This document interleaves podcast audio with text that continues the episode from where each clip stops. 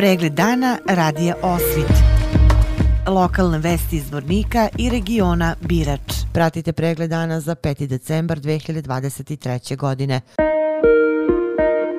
Predsjednik boračke organizacije Zvornik Milivoj Todorović rekao je da sedmorica pripadnika Vojske Republike Srpske, koje je tužilaštvo Bosne i Hercegovine optužilo za ratne zločine, počinjene na području Vlastenici Šekovića u julu 1995. godine, nikome nisu nikada naneli zlo i da su samo branili svoje ognjište i nejač. Todorović je rekao da boračka organizacija Zvornik najoštrije osuđuje podizanje optužnice protiv Ratka Vujovića, Ljubomira Vlačića, Vitomira Pepića, Milovana Ognjenovića, Gorana Ivana Viškovića, Željka Dupljanina i Vlastimira Golijanina, koji su se u odbrameno otačbinskom ratu pridržavali pravila rata i ženevske konvencije, pa samim tim ne mogu biti odgovorni zašto ih tužilaštvo Bosne i Hercegovine tereti. Todorović je upitao zašto tužilaštvo i sud Bosne i Hercegovine prikrivaju zločine počinjene nad srpskim narodom u Podrinju, na Glođanskom brdu, u Kravici, Drinjači i drugim mestima regije Birač i ne pokreću istragu nad pripadnicima takozvane armije Bosne i Hercegovine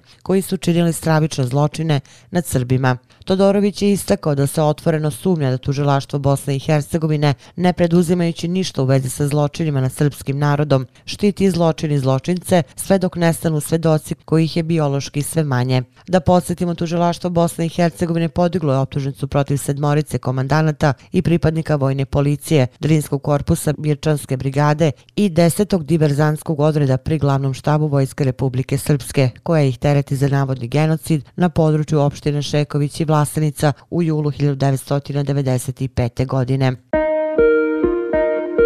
Radovi na stambenoj zgradi u naselju Karaka i kod Zvornika uskoro će biti završeni. Ovo je u izjavi za medije potvrdio gradonačelnik Zvornika Bojan Ivanović i dodao da su ostali da se urade neki minimalni završni građevinski radovi, nakon čega se očekuje useljenje.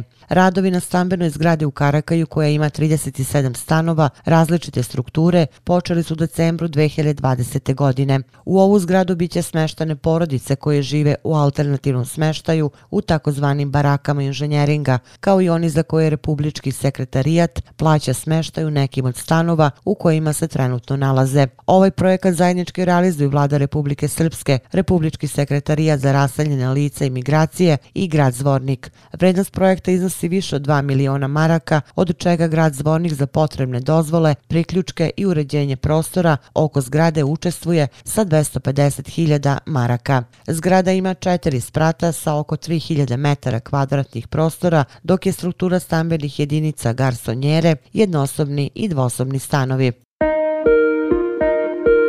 Narodna biblioteka Zvornik organizuje ove godine završnu manifestaciju na kojoj će između ostalog nagraditi najvernije čitaoce. U okviru završne manifestacije priredit ćemo izložbu novih naslova, promociju romana Karneval Bola Karla Astrahana u izdanju Narodne biblioteke Zvornik i izdavačke kuće Liberland, a odlomke iz romana čitaće glumac Zoran Ćosić. Iste večeri organizovat ćemo podelu nagrada najaktivnijim čitaocima u 2023. godini. Završna manifestacija će se održati u ponedeljak 11. decembra u 18 časova u Narodnoj biblioteci Zvornik, saopštili su iz ove ustanove. U dnevnom centru udruženja roditelja hendikepirane dece i omladine Leptir u Potočarima, kreativnom radionicom i druženjem obeležen je 3. decembar, Međunarodni dan osoba sa invaliditetom. Na radionici su dugogodišnji prijatelji volonteri iz Crvenog krsta Bratuna zajedno sa mladima izrađivali ukrase podom predstojećih novogodišnjih i božićnih praznika, a radionici i druženju su prisustovali i predstavnici opštinske uprave Bratunac. Ratnom veteranu sa košara Goranu Vučetiću iz Malog Zvornika potrebna je pomoć. Humanitarno veče za Gorana Vučetića je večeras od 18 časova u kafeu Kul u Malom Zvorniku. Podršku organizaciji i poziv za prikupljanje pomoći pokrenuli su prijatelji Vučetića i građani Malog Zvornika putem Facebooka. Goran već duže vreme boluje od karcinoma želuca, a podrška njemu i porodici je pomoć koju Goran Vučetić zaslužuje kao osoba koja se odazvala pozivu države i do sada se sam borio za svoju svoju porodicu bez pomoći države i kako je u jednoj od objava koja kruži napisao prijatelj muzičar. Poštovani građani malog i velikog zvornika i okoline, našem sugrađaninu drugu, bratu, je potrebna pomoć. Goran već duže vreme boluje od karcinoma želuca. Njemu je stvarno potrebna pomoć, a mi ćemo se potruditi da večeras dođemo u što većem broju i damo svoj doprinos koliko ko može. Naše malo će njemu i njegovoj porodici značiti puno. Molim sve moje kolege muzičare i sve ostale da dele ovu objavu. Mi dodajemo i da svi koji to mogu dođu večeras od 18 časova u kafe Kul u Malom Zvorniku kako bi ocu, drugu i bratu, prijatelju, ratnom veteranu sa košara pomogli da prikupi pomoć neophodnu njegovoj porodici i njemu, da se izbori sa bolešću i da porodici dok je Goran bolestan omogući dostojan život. Vesti iz Loznice. Pripadnici interventne jedinice policije naoružani automatskim puškama nalaze se u centru Banje Koviljače, a prema nezvaničnim informacijama reč je o još jednoj akciji na otkrivanju ilegalnih migranata. Kako saznaju lozičke novote, juče je na području Lešnice nađeno 17 migranata, a danas je težište akcije prebačeno u Koviljaču i Loznicu. Migranti koji budu nađeni bit će posle evidentiranja u policiji prevezeni u prihvatne centre gde ima mesta za njihov smeštaj. Opširni na sajtu Lozničke novosti.com.